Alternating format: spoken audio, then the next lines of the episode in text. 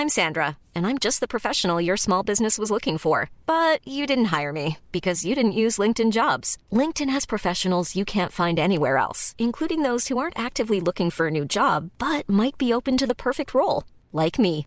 In a given month, over 70% of LinkedIn users don't visit other leading job sites. So if you're not looking on LinkedIn, you'll miss out on great candidates like Sandra. Start hiring professionals like a professional. Post your free job on linkedin.com/people today.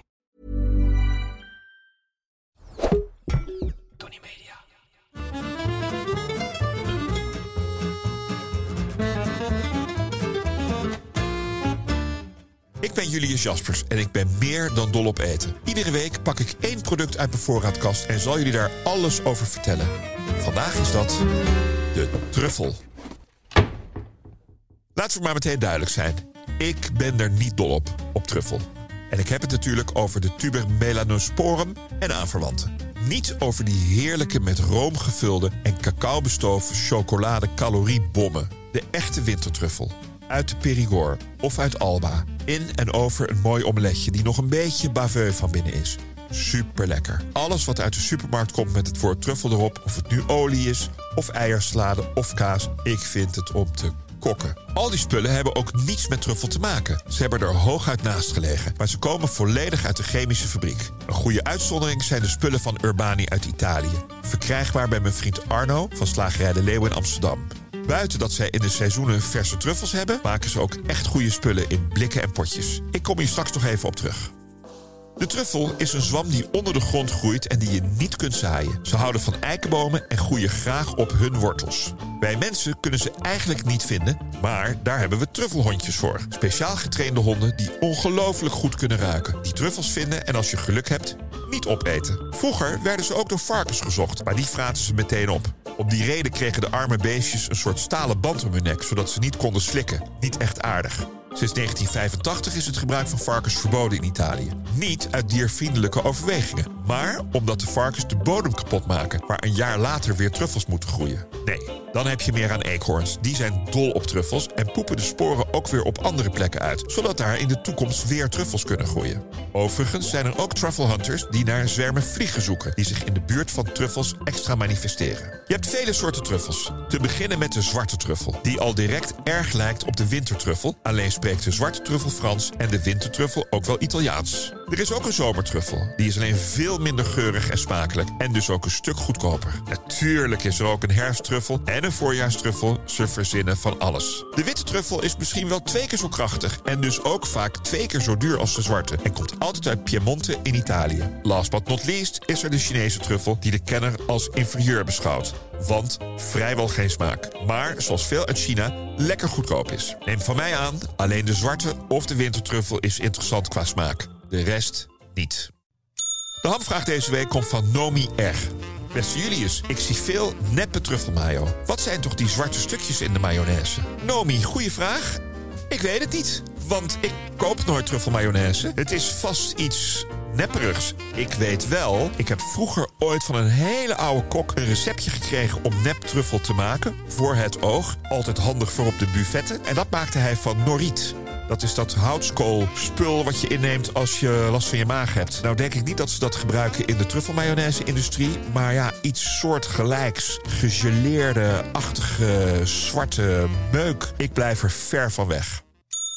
De truffelhandel is een beetje schimmig en speelt zich voor een deel buitenaf op geheime plekken. De mensen die ze zoeken doen nog geheimzinniger, want ze willen natuurlijk niet dat iemand weet waar ze het zwarte goud vandaan hebben. En de eerder genoemde hondjes zijn goud waard. De eerste truffels van het seizoen zijn vaak onbetaalbaar. Al dan niet geholpen door truffelveilingen waar extreme bedragen worden geboden. Het is immers een primeur, net zoals asperges en aardbeien. Naarmate het seizoen vordert nemen de prijzen wat af.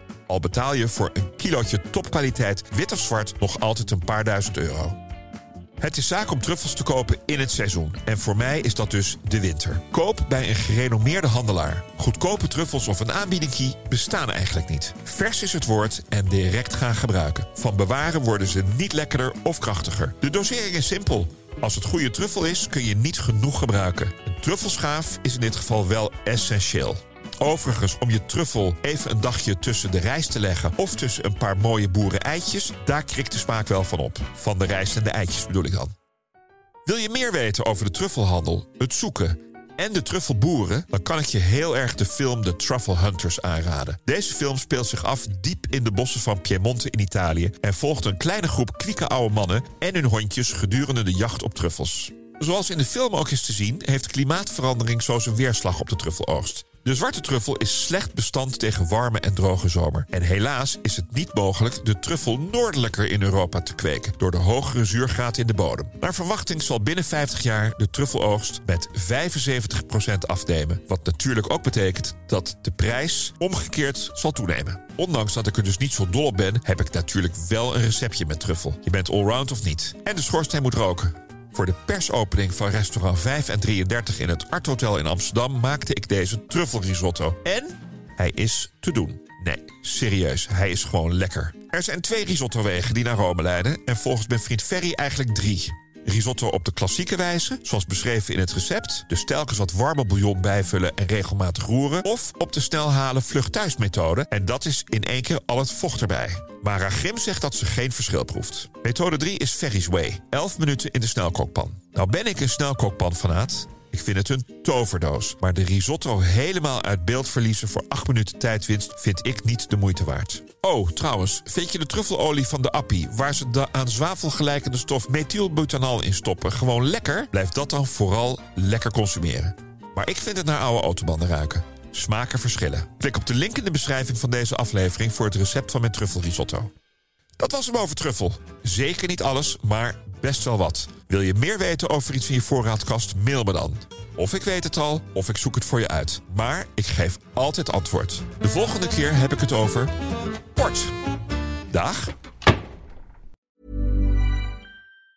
Planning for your next trip? Elevate your travel style with Quince. Quince has all the jet setting essentials you'll want for your next getaway, like European linen, premium luggage options, buttery soft Italian leather bags, and so much more. And is all priced at 50 to 80% less than similar brands. Plus, Quince only works with factories that use safe and ethical manufacturing practices. Pack your bags with high-quality essentials you'll be wearing for vacations to come with Quince. Go to quince.com/pack for free shipping and 365-day returns.